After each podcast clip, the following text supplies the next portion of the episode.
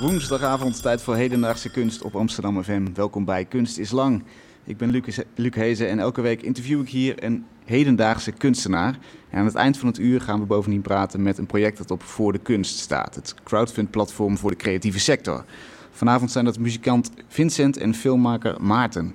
Vincent hoort sinds ongeveer tien jaar stemmen in zijn hoofd en hij is afgestapt van de zware medicatie, want die verdooft hem, die maakt hem mur. In plaats van met medicijnen gaat hij nu met muziek de stemmen in zijn hoofd te lijf. En Maarten filmde dit proces. Daarover later meer, maar eerst praat ik met Roy Villevoix. Hij begon na zijn periode aan de Rijksacademie midden jaren 80 als veelbelovend schilder, maar hij verlegde zijn pad. In letterlijke zin naar Nieuw-Guinea, waar hij op regelmatige basis naartoe reisde. En vervolgens ook in figuurlijke zin door steeds minder te gaan schilderen en zich meer te richten op foto's, sculpturen en videowerk. En dat levert een interessante vermenging op van twee culturen, zoals bijvoorbeeld in de film Voice-Over. In Papua filmt Roy hoe de gemeenschap voor zijn overleden vriend Omoma. Dat zeg ik, ga ik steeds verkeerd zeggen. Roy, dat kun jij goed? Omoma. Ja, helemaal goed. Een boom hakt en op traditionele wijze een beeld van hem maakt. Zoals dat gebruikelijk is bij de overledenen. Tussendoor ruziet Roy nog met een galeriehouder in Nederland over een financieel conflict rondom een van zijn beelden. Nou, veel meer kunnen die twee werelden en die twee rituelen rondom één beeld niet verschillen. Daar gaan we het zo over hebben. Wil je ondertussen al iets zien van Roy? Ga dan naar mrmotley.nl. Amsterdam FM! Roy, welkom. Dank je. Leuk dat je er bent. Ja. En fijn dat je me even kon souffleren zo net. Dat, uh, uh, ja, dat, dat, dat, blijft een moeilijke naam, maar uh, dat heb jij. Ja. ja. dat heb jij helemaal onder de knie, hè? Je, um, je, Ehm, je, spreekt de taal ook. Nou, ik spreek een variant van het Indonesisch, wat een, een Papua's Indonesisch is. En dat is daar eigenlijk een lingua franca, want de taal van Omoma zelf, dat is eigenlijk een dialect wat alleen zijn gemeenschapje spreekt in een groot geheel van een paar talen. Ja. En als ik dat alleen zou leren, dan uh, kan ik alleen maar in dat dorp praten, want het dorp verderop klinkt al zoals Nederlands van Duits verschilt. Ah, ja. Gezien het feit dat, dat ze heel lang zo geïsoleerd van elkaar geleefd hebben. Ja, is die taal helemaal anders en uh, wel uit dezelfde wortels, maar toch heel anders ontwikkeld. Ja. Uh, even een korte uh, biografie. Je ging naar de Rijksacademie. je geeft daar ook les, hè, sinds 1999. Heet niet zo, hè? Het zijn residents waar je een advisor-functie bij hebt. Advisor, ja. vind ik mooier klinken. Ja, ja terecht dat je dat verbetert. je werk was en is onder meer te zien in het Boymans in Rotterdam, Foam en de Halle in Haarlem. Um, op een gegeven moment dacht jij, ik ben een veelbelovend schilder, ik ben net van die academie af, maar ik ga een andere kant op. Ik ga reizen en wel naar Papua. Waarom daar naartoe? Ja, maar zo ging het niet. Ik heb, nee, ja, nee, ja, dat is te makkelijk. um, nou, ik, ik ben echt een, een heel uh, hartstochtelijk met dat schilderen in de weer geweest. En, uh, en inderdaad kon ik daarmee meteen ook deelnemen op, op allerlei platforms waar dat werk heel interessant werd getoond. Um, ik noem maar wat, Stedelijk, Boymans. Uh, ja, zijn leuke podia. Ik was 4 of 25. Ik wist, ik wist, ik wist helemaal niet dat het zo uh, kon. Verkopen ook en zo. Maar uh, gaandeweg, um, ik ben eigenlijk altijd wel erg geïnteresseerd geweest in hoe cultuur werkt. Ik heb ook graag gereisd naar plekken, oorsprongsplekken, waar, waar, waar dingen gebeurd zijn die belangrijk zijn geweest voor kunst, voor de geschiedenis. Ik ben een beetje een pelgrim in die zin. En uh, geleidelijk groeide eigenlijk een, ja, een, een, een, een, soort van verlangen naar uh, een plek zo ver als mogelijk van de onze, maar misschien wel zo dicht als mogelijk bij de oorsprong. En dat leek heel lang ook een ja, ver, te ver gezocht uh, iets hoor. En ik, ik, ik weet ook niet of ik dat alleen maar de hele tijd wilde. Maar uh, gaandeweg was het ook wel zo dat uh, door het zeg maar, hier als kunstenaar werken... je in een soort van artistieke, toch vrij kleine veld terechtkomt... waar iedereen elkaar kent en waar je ongeveer voor elkaar de dingen een beetje aan het opvoeren bent. Ja, het is een hedendaagse kunstbubbel. Ja, en ik... ik, ik ik vond het eigenlijk niet. Ik begreep heel snel hoe dat verder komt. Daar kun je dus heel goed in worden, dan kun je heel beroemd en je kunt er succesvol enzovoort. Maar ik geloof dat ik daar helemaal niet in geïnteresseerd was. Ik was geïnteresseerd wat brengt, wat, wat kan ik vinden in het leven, wat brengt het mij met behulp van kunst. En op een goed moment, en dat is dan, ik, ik sla een heleboel dingen over en dat is ook ingegeven door een uh, soort crisis hierover. Uh, sloeg in één keer een, een, iets in me waardoor ik begreep dat ik, dat ik naar uh, de Asmat in Nieuw-Guinea moest gaan. Een cultuur van jagers-verzamelaars in het regenwoud. Maar dat is heel specifiek. Ja. Wa waarom daar? Um, in het Tropenmuseum, zolang als ik in Amsterdam woon, vanaf het eind jaren 70, daar stonden altijd uh, heel uh, indrukwekkende en mysterieuze grote soort, laat ik zeggen, totempalen opgesteld. Die waren van de asmat. En uh, ik heb me ook altijd afgevraagd, hoe kan dit? Wat, wat, wat, wat gaat er om in mensen die dit maken? Wat, wat, wat beleven ze? En, en bestaan ze? Kun je erbij? Kun je ze een hand geven? Nou ja, maar dat leek ook altijd alsof je een reis naar de maan wenste. En op dat moment waar ik het toen net over had, uh, dacht ik, ik ga daar naartoe. Ik wil dat. Ik wil daar naartoe. Ik wil, ik wil begrijpen wat, wat daar. Uh, misschien, ik weet niet, misschien moet ik daar iets zoeken. Maar wat zij doen, is misschien wel de kern van wat me interesseert aan wat kunst kan zijn. Dat het iets is wat, wat je uh, zeg maar, met het leven verbindt. Of wat het als groepje met elkaar verbindt. En tegelijkertijd is het dus iets wat ook gaat over een cultuur die zeg maar, in het steden tijdperk leeft. Dus iets waar wij helemaal niet uh, met onze vooruitgangsideeën mee te maken hebben. Dus dat interesseert me ook, die enorme uh, ruimte die ertussen zat. Want hoe gaan zij met kunst om? Kun je dat schetsen? Wat, wat trof je daar aan? Um, kunst is voor hun een, um, een middel om uh, heel belangrijke processen in het leven met elkaar door te maken. En um, in contact te treden met de voorouders. Het is, een, het, zijn, het is een gemeenschap die dus geen uh, religie heeft met een god. Maar zij houden contact met de voorouders en de geesten. En uh, die beschermen hen. Maar daar moeten ze ook voor zorgen dat die in een soort van goede staat naar de wereld van de geesten kunnen. Of daar ook kunnen verblijven. Dus dat evenwicht moet constant gezocht worden. En door dat te vinden en, te, zeg maar, te continueren, ook door middel van kunst. Uh, voorwerpen die daarbij helpen in een ritueel is het een um, ja, garantie dat die groep veilig blijft. In hele harde omstandigheden. Het regenwoud lijkt voor ons iets met vlinders en bloemen en zo, maar uh, als je dan moet overleven is het gewoon keihard. Ja. Het houdt geen rekening met mensen, dat is er niet voor gemaakt. Het zijn echte jager-verzamelaars, hm. zoals je net al zei inderdaad. Ja. Ze, ze, leven op die manier. Uh, je, je, hebt daar een vriendschappelijke relatie opgebouwd met Omoma. Uh, hij was zelf beeldhouwer. Ja, ja. ja hij hem... maakte dus die voorwerpen die zo belangrijk zijn ja. voor voor de gemeenschap. Ja, en echt letterlijk uit een boomstam met een bel uh, en ja. totdat er een, een, prachtig beeld ontstaat.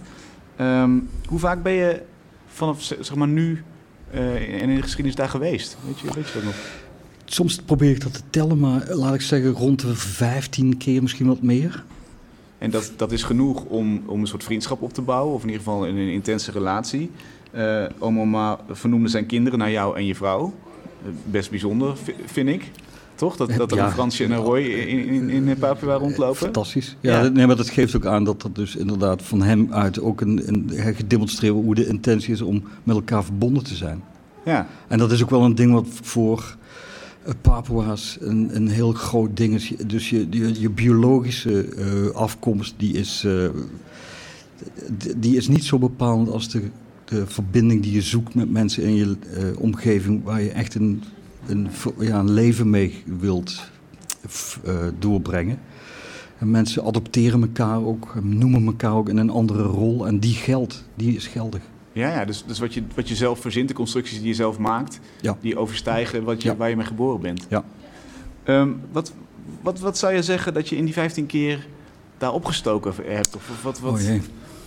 Ja, even, even een, een kleine vraag. Nu moet je even muziek draaien of zo. Oh ja, moet je hierover nadenken? nou ja, dat is, nee, dat is niet iets wat ik uh, als een soort tegeltjeswijsheid uh, heb. Nee, dat, dat gaat... Ik, ik leef elke dag daarmee. En um, jeetje, als je me dat nou... Nee, ook als je me van tevoren gevraagd had. Uh, misschien komen er wel op gaandeweg hoor. Maar ja, maar ik, pro probeer het eens om inzichtelijk te maken wat voor grootte dat dan heeft. Want je zegt, ik, ik lever elke dag mee. Is, denk ja. je daar dan... Nou, je, je, wat, wat, wat, wat wel in me opkomt is dat je um, heel erg, uh, zeg maar, op een um, hele rauwe manier... Het, het, eigenlijk is het leven daar uh, een... Uh, het, is, het staat onmiddellijk voor je. Het is ook heel duidelijk wat daar, uh, hoe dat moet. Uh, en ook hoe hard je moet vechten om dat met elkaar overeind te houden.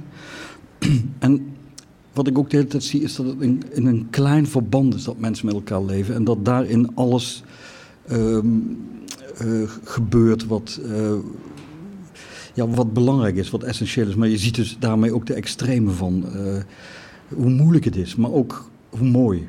Kun je eens een voorbeeld um, geven?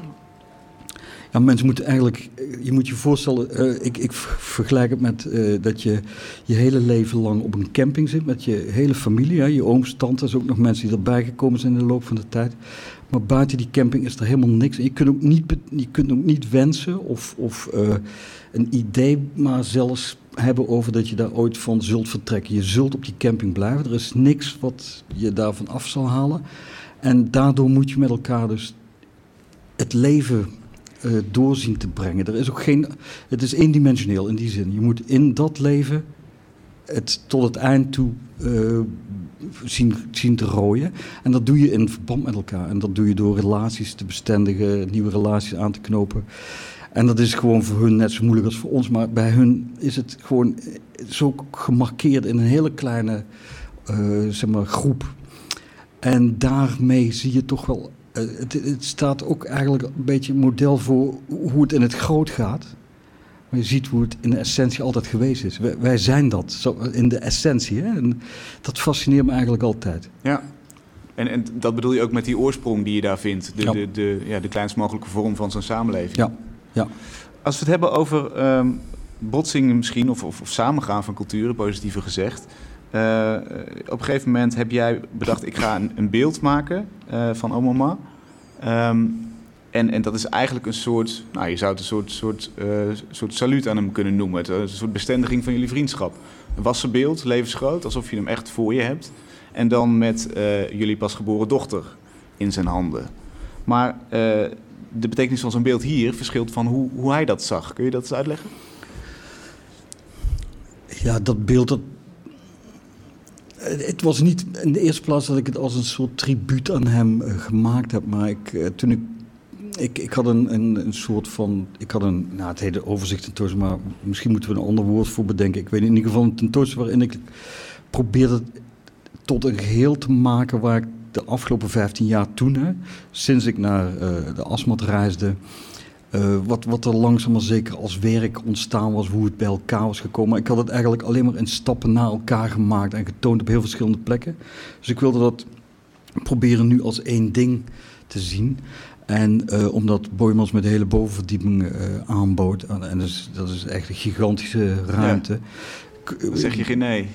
Nou ja, nee, fantastisch. Ik, ik kom met Jaap Guldemond werken, wat ook echt een heel fijne curator is. Charles X nodigde me uit, maar het was gewoon een heel goed, uh, uh, ja, goede uitnodiging. Mm -hmm. Maar ook omdat het, uh, inderdaad, ik was nieuwsgierig wat krijg ik dan te zien. En ik begreep ook voor mezelf, ik um, krijg dus heel vaak heel veel representatie te zien van mensen daar die zeg maar, deel uitmaken van mijn ervaringen, heel uh, reëel of in een soort metaforische zin. Maar ze staan wel allemaal naar je te kijken of ze komen allemaal worden opgevoerd in stukjes en beetjes, in films, in uh, ja, kledingstukken, ja, objecten. En uh, toen bedacht ik me, wat zou het mooi zijn als ik dat nog op kon rekken tot een soort van, van volgende stap.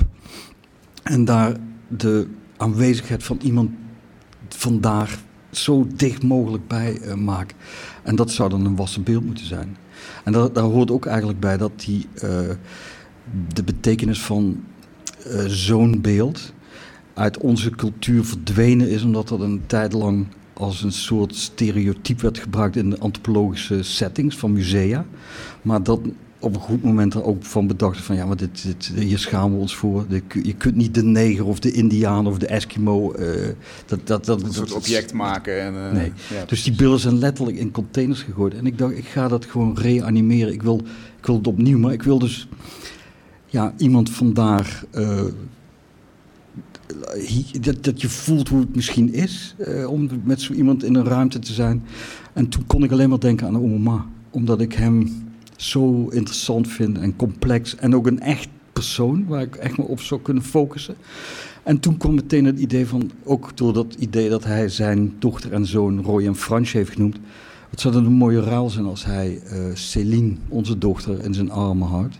En ook omdat hij, was al eerder in Nederland en um, toen was Céline al ietsje ouder. Want er zit een soort tijdslapse in dat beeld.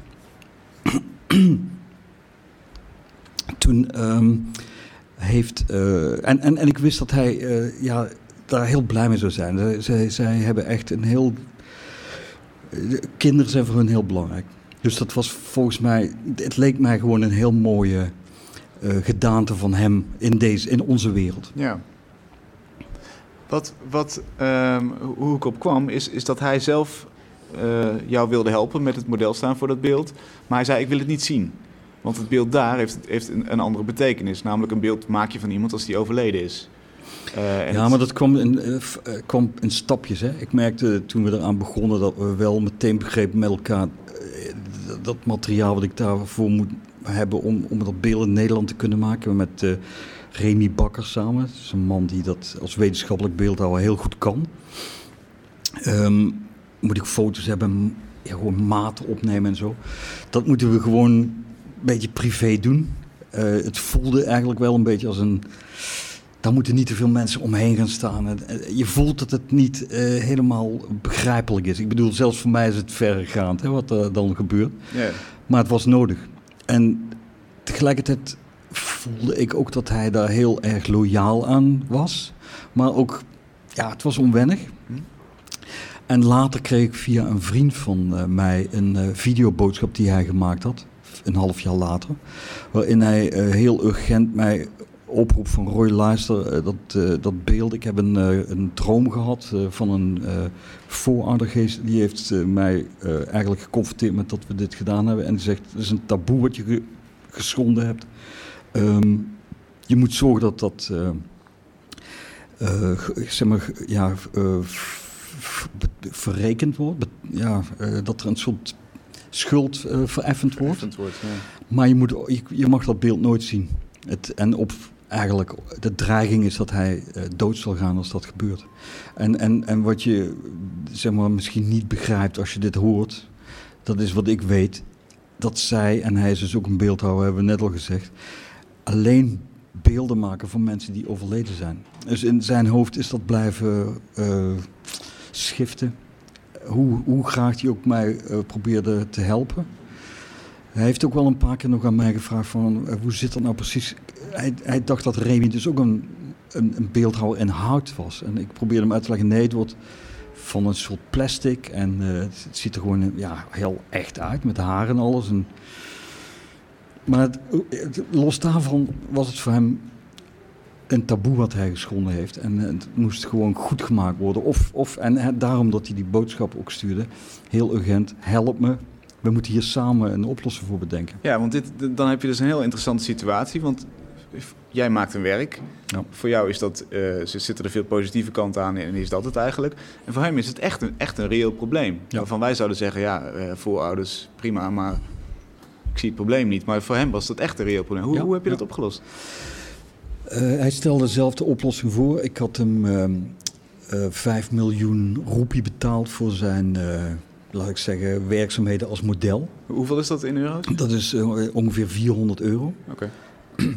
dat, is, dat is een behoorlijk bedrag als je bedenkt dat twee maanden je eigen bos slopen en, en het naar de rivier oversleuren met al je familieleden en het tot een vlot uh, binden en dan dagenlang daarmee afdrijven naar een kustvader waar je het zelf aan boord moet takelen, dat je daar 37,50 voor krijgt.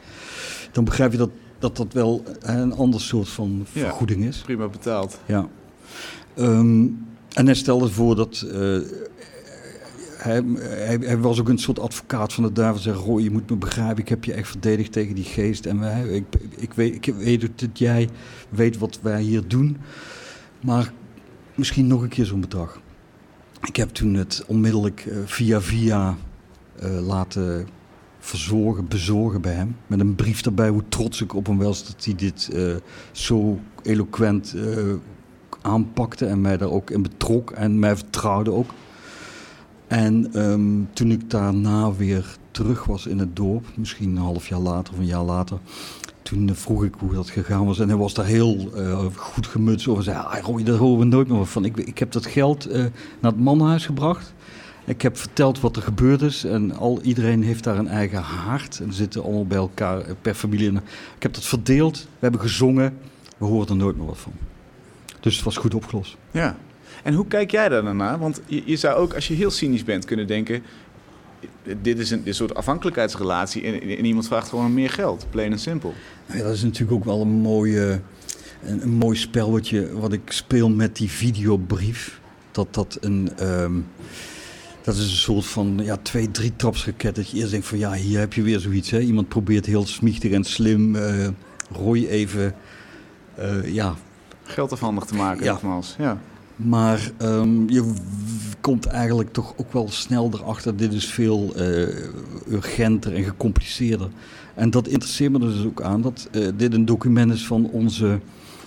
Van de consequentie van ons, onze, letterlijk onze vriendschap. Dat je, um, ik ben geen antropoloog, dus ik, ik, we hebben echt met elkaar te maken. We, we delen een biografie. We hebben herinneringen aan dingen die voor ons belangrijk of angstig waren. Of uh, ingewikkeld of heel, uh, heel opgewonden uit ons eigen leven. Dat delen we met elkaar. Maar de consequentie is dat dit soort dingen dus plotseling op kunnen doen uit twee, je zou kunnen zeggen, kennissystemen. Hè? Mijn, mijn rationele kennissysteem en zijn magische kennissysteem. En dat we daar heel natuurlijk met elkaar in kunnen schakelen en wisselen tot dit gebeurt. Want in zijn wereld zijn er andere consequenties voor dezelfde besluiten. Ook al wil je dat in in elkaars, uh, ja, in relatie tot elkaar gewoon de ander uh, helpen. Dacht jij meteen op die manier, uh, hey, dit is een nieuw hoofdstuk in, in, onze correspondentie en dit, dit hoort bij het werk wat we samen maken? Ja, eigenlijk wel. Ik, ik die vriend van mij, Koos, die, dat is een antropoloog, die, reist er, die is daar geboren en die reist er ook regelmatig heen die uh, belde mij op en die was eigenlijk wel bezorgd. Die zei, uh, hij, hij, was nog in Papua. Hij zei, Roy, ja, ik, uh, ik heb iets bij me van Omoma. En hij legde me dat uit. En toen werd ik even ja, heel zenuwachtig van... Ehm, jeetje, mina, wat, wat, wat, wat, betekent dit? Ik wist niet wat, wat er zo op dat tapeje verder stond. Okay. Dus het duurt maar vier minuten. Ja. Maar toch, het is een heel parcours wat hij aflegt. Ja. En ehm, toen ik het afspeelde, een week later misschien... Um, toen dacht ik, maar dit is mooier dan dit kun je eigenlijk niet uh, laten zien of wat, wat, wat het is waar ik in terecht gekomen ben. Ja. Hij doet het zo mooi ook. Het is ook heel met, met veel voorzorg voor mij. Hij wil me niet uh, zeg maar, in een soort probleem brengen, maar hij heeft zelf een probleem. En we moeten, nou ja, en, en tegelijkertijd voel je, het is, het is gewoon echt uit zijn wereld iets wat ontstaan is door ons, uh, doordat wij bekend zijn met elkaar. En daar ook in doorgaan. Dat is een soort van, er is een geschiedenis voor en we willen verder. Ja. Ja, ik, ik wist meteen dat ik een, een prachtig werk had, wat eh, ja, een sleutel kon zijn in mijn werk. Dus het is zeker heel belangrijk. Ja, het is ook te zien op jouw website overigens, de ja. videoboodschap. Hè? Dus ja, je kunt het zo aanklikken. De video message heet het. We gaan even naar muziek. Luister naar Kunst is Lang en dat was Tower of Song van Leonard Cohen. Met het uh, ja, bijna begeleidingsbandje U2, in, in ieder geval in dit geval, hè, achter de grote meester. Dit heeft uh, Roy Villevoix uitgekozen, hij is vandaag de gast. Hij maakt foto's, films en uh, sculpturen en een belangrijk deel ervan in of over Papua. waarom deze, Roy? Ja, um, jullie redactrice Lineke die vroeg me, heb je nog iets over muziek? En, en ik heb vorige week een film gezien You're My Man, naar aanleiding van het overlijden. Of I'm Your Man, sorry. Ja. Naar aanleiding van het overlijden van Leonard Cohen. En ik, ik had eigenlijk nooit me bezig gehouden met die Leonard Cohen. Dat was iets uit een andere generatie voor mij heel lang. En er waren allemaal mensen die daar een eh, uitvoering van uh, zijn liederen te horen gaven. En ik wist niet wat ik meemaakte. Ik vond het waanzinnig uh, indrukwekkend. En dat bleef bij me. Ik ben ermee bezig gebleven de hele tijd. Dus ik, uh, ja, ik zet het spontaan. Ik, uh, dit wil ik wel uh, graag horen. Ja, dat zit nu, is ja, nu het zit in echt, ja.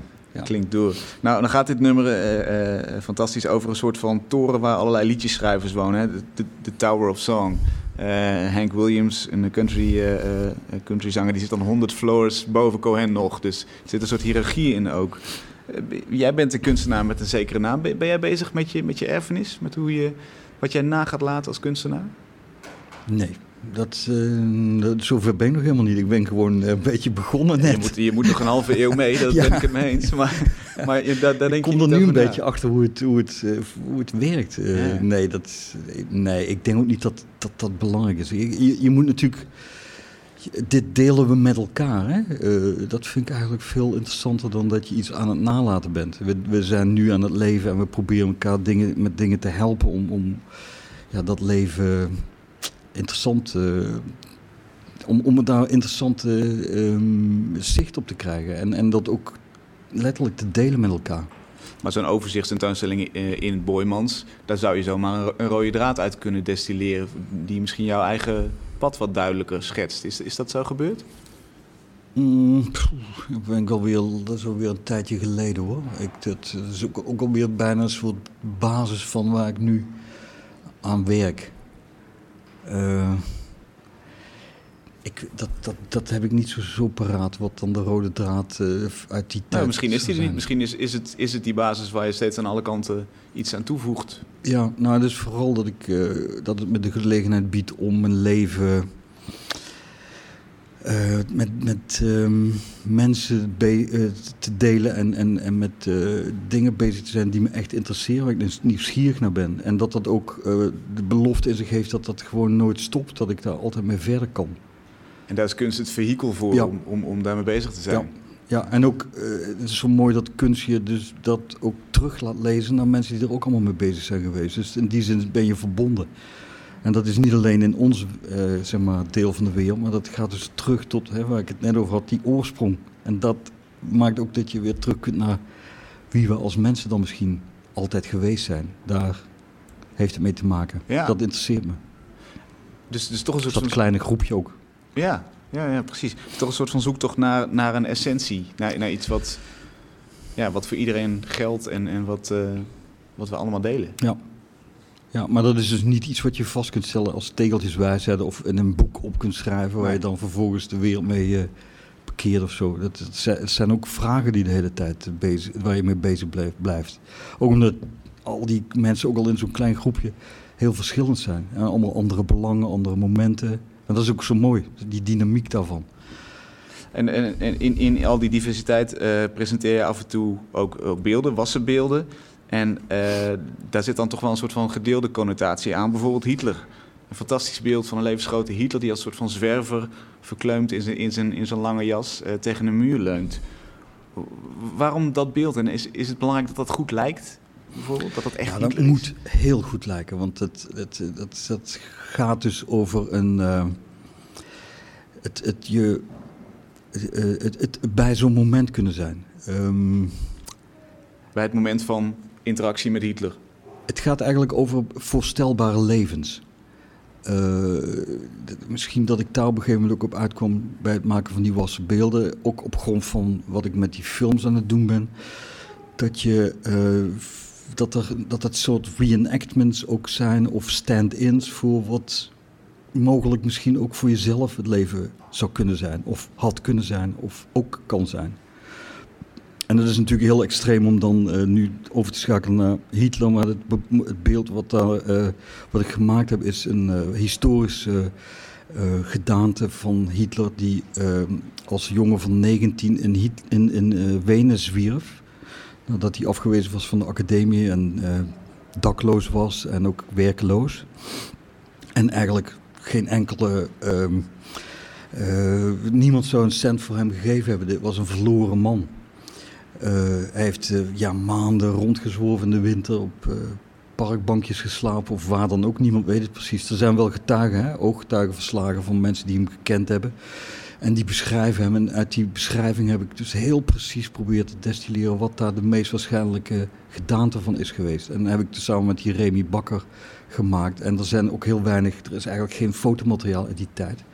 Maar wel een tekeningetje wat een uh, vriend op de middelbare school van hem maakte. En foto's van onmiddellijk daarna dat hij in de Duitse krijgsdienst in de loopgraven is.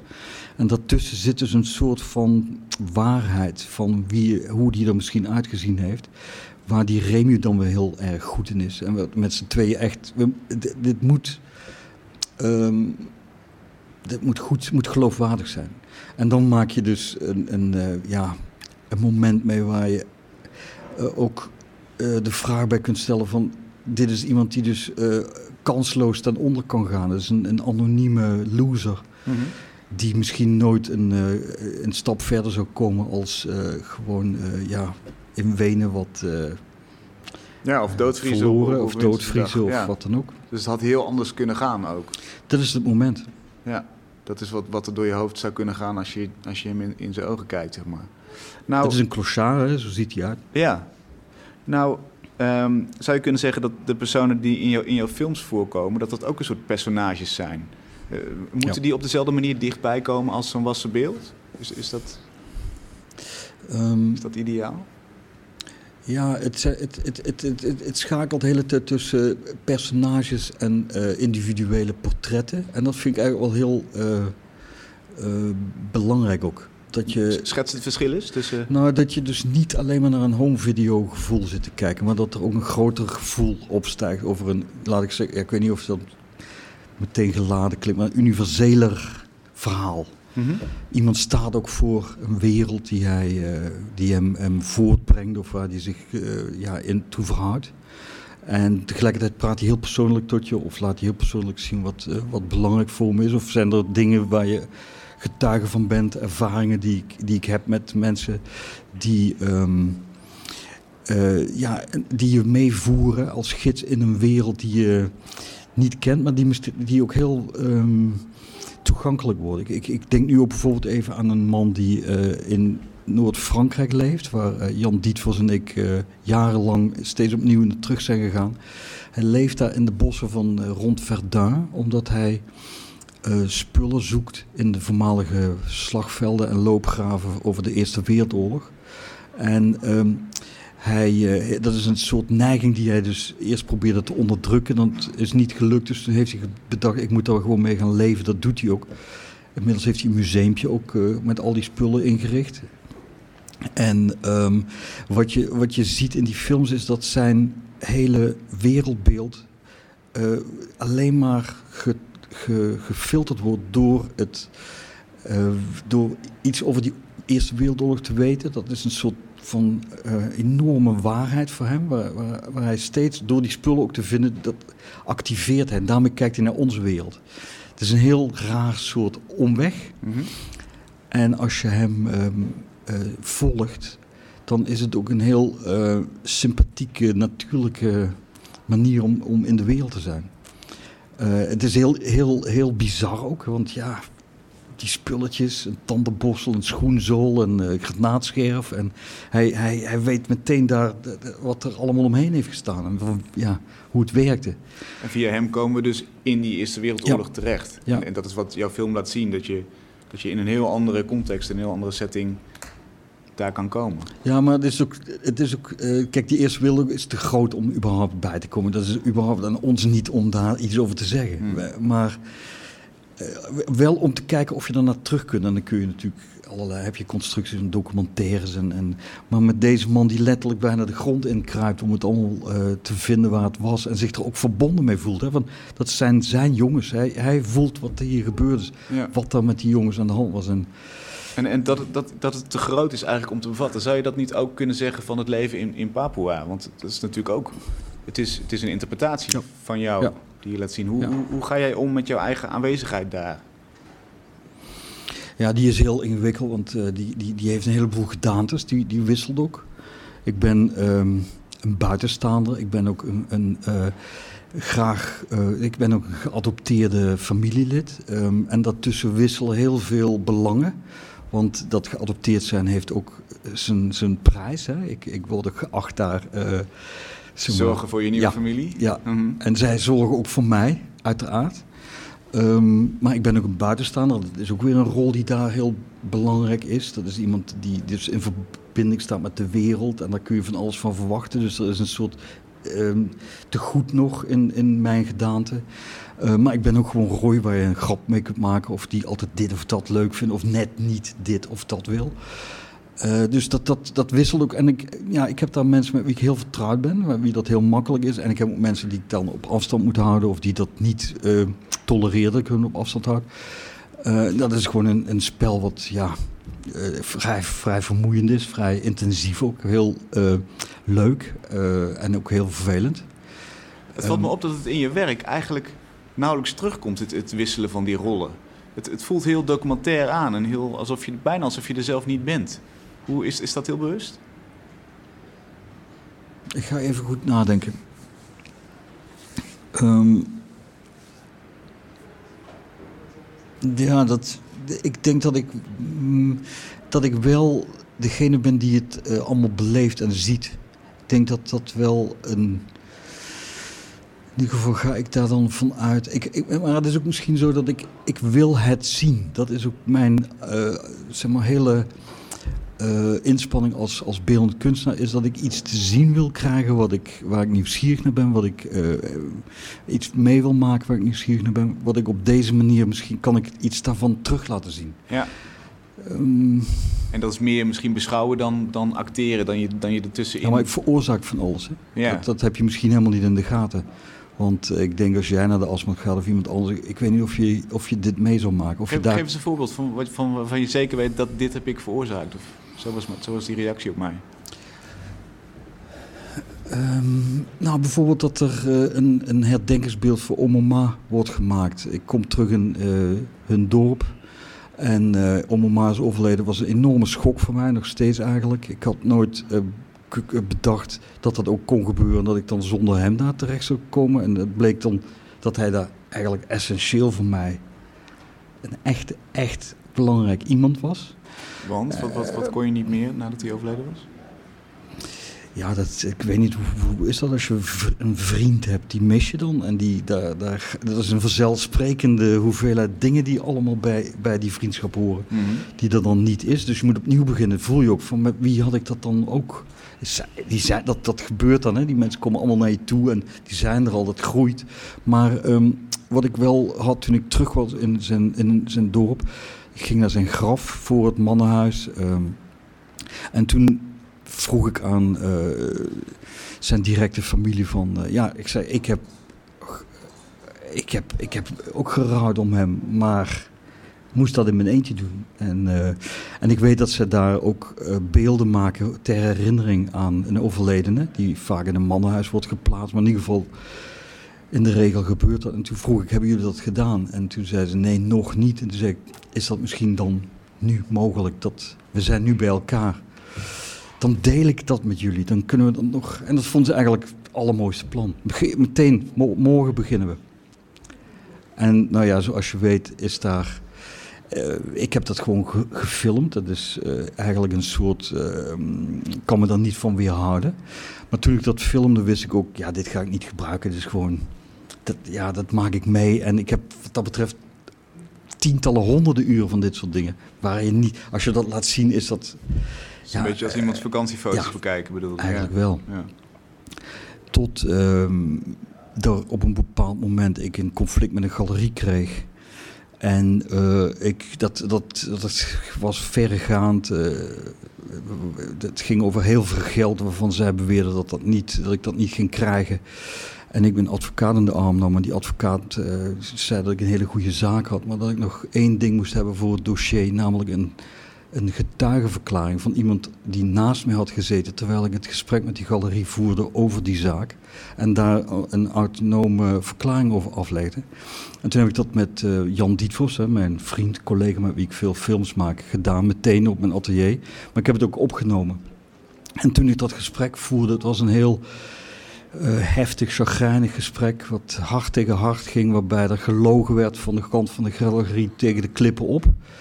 Um, toen wist ik meteen na het afloop van dat gesprek dat ik dat onder die film wilde zetten van het maken van dat beeld van Omoma. Hoe dat dan precies werkt, weet ik niet, maar ik wist zeker dat het klopt en ik heb ben het meteen gaan doen. En uh, ik zei zelfs, ik stuur hem naar het, het, het, het, het filmfestival in Rotterdam en, en daar werd hij enthousiast uh, genomineerd voor de Tiger Award. Snap je? Dus, uh, en, en, anders was dat materiaal gewoon in de kast blijven liggen. Ja, ja. Nou, we, nou ik, ik, ik, weet misschien wel wat er zo sterk aan is. Het, het, is het, het geeft een inzicht in twee culturen. Eh, steeds staat, staat het beeld centraal. Aan de ene kant als lichaam voor de overledene. en in Nederland, wie betaalt ervoor en uh, wat, wat, wat, moet het kosten? Nou ja, en dat je ook denkt, dat in die wereld, in die cultuur ben je thuis. Daar, heb je elkaar, dat, dat, dat, daar ken je elkaar goed in. En dan staat iemand gewoon tegen je te liegen.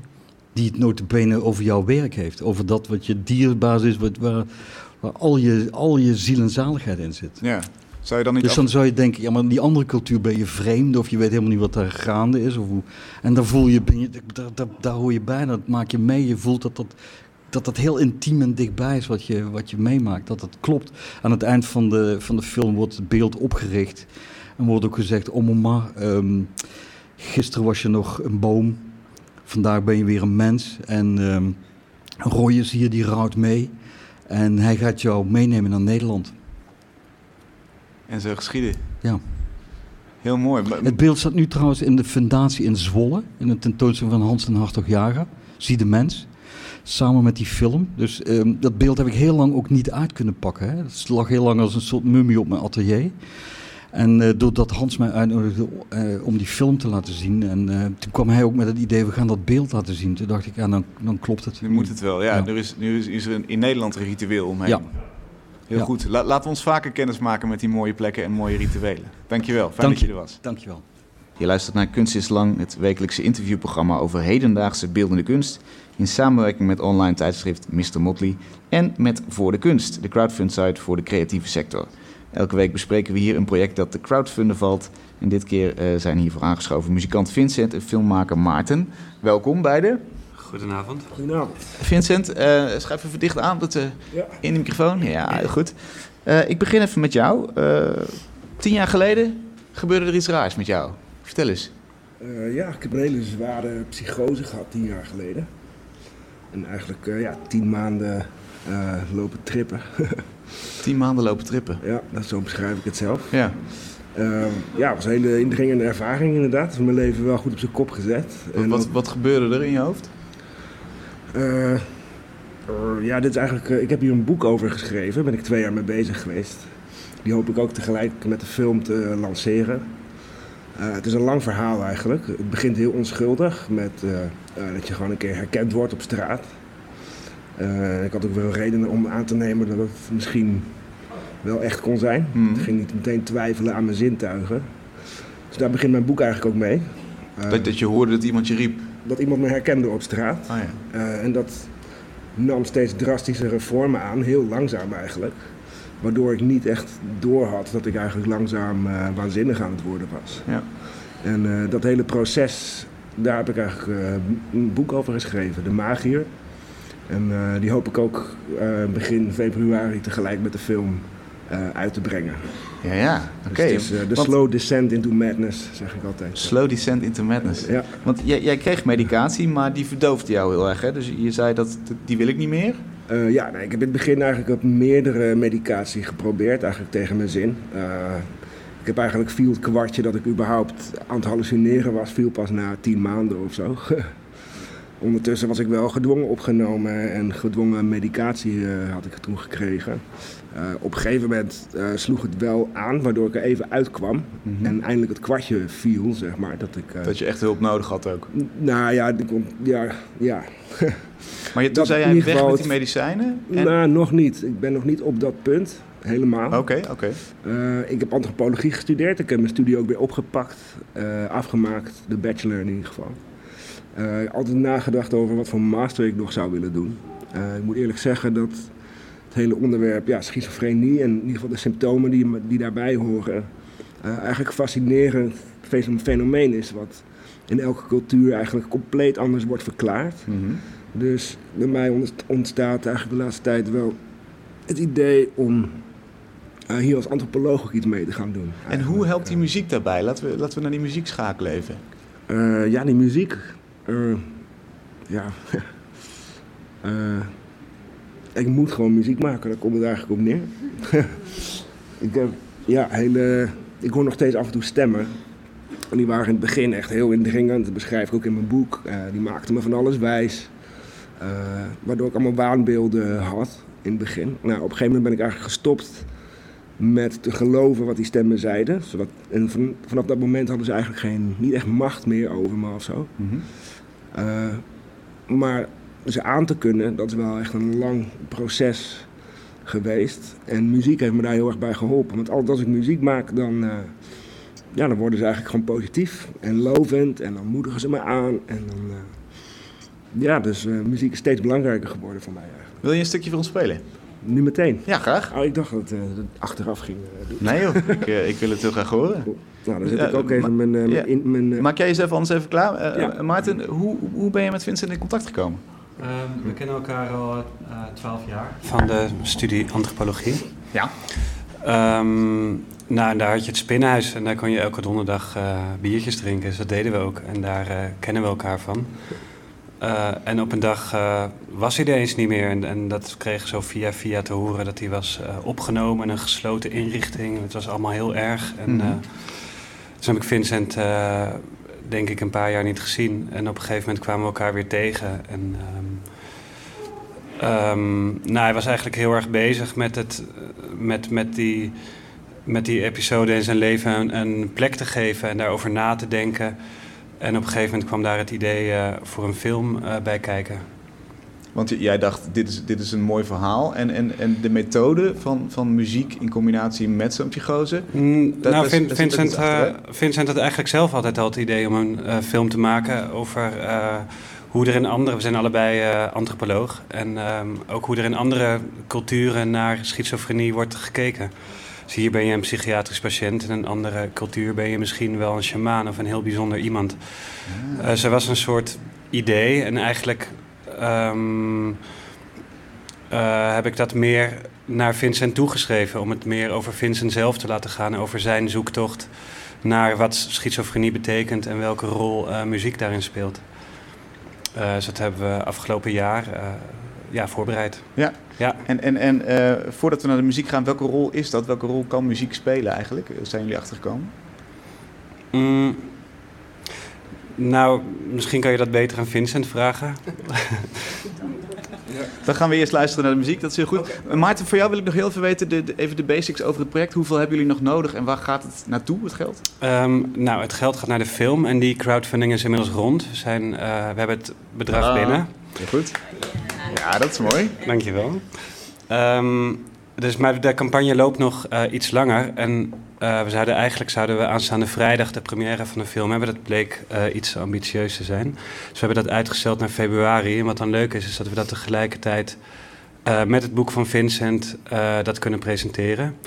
En daar één groot feest van maken. En eigenlijk al dat geld wat dan nog extra binnenkomt op de crowdfund-campagne... dat kan gaan naar de, het printen van het boek van Vincent. Zodat het ook in februari af is. Perfect, perfect. Vincent, als je zover bent, Ja, ik ben zover. dan gaan we naar muziek. Ik heb dus twee mics, deze kan ik... eh, Ja, ja schuif de mic wat dichterbij. Het is een... kan ik nog gaan staan. Ja, het is goed. hè? Ja. Het is allemaal live en geïmproviseerd. Ja, alles is eh, improvisatie. natuurlijk.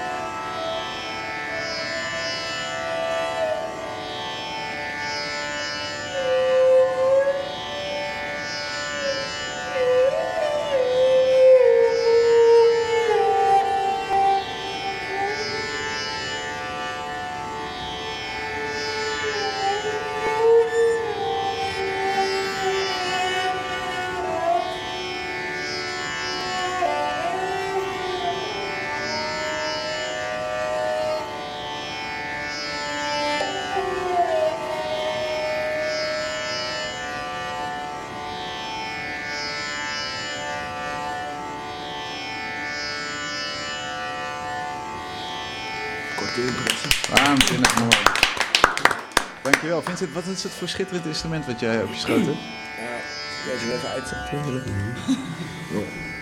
Dit is de begeleidingsband, die wordt nu... eh, Ja, dit is dus de Indiaanse tampura, daar gebruik ik mijn telefoon eh, voor. Eh, Tampura-spelers zijn moeilijk te vinden.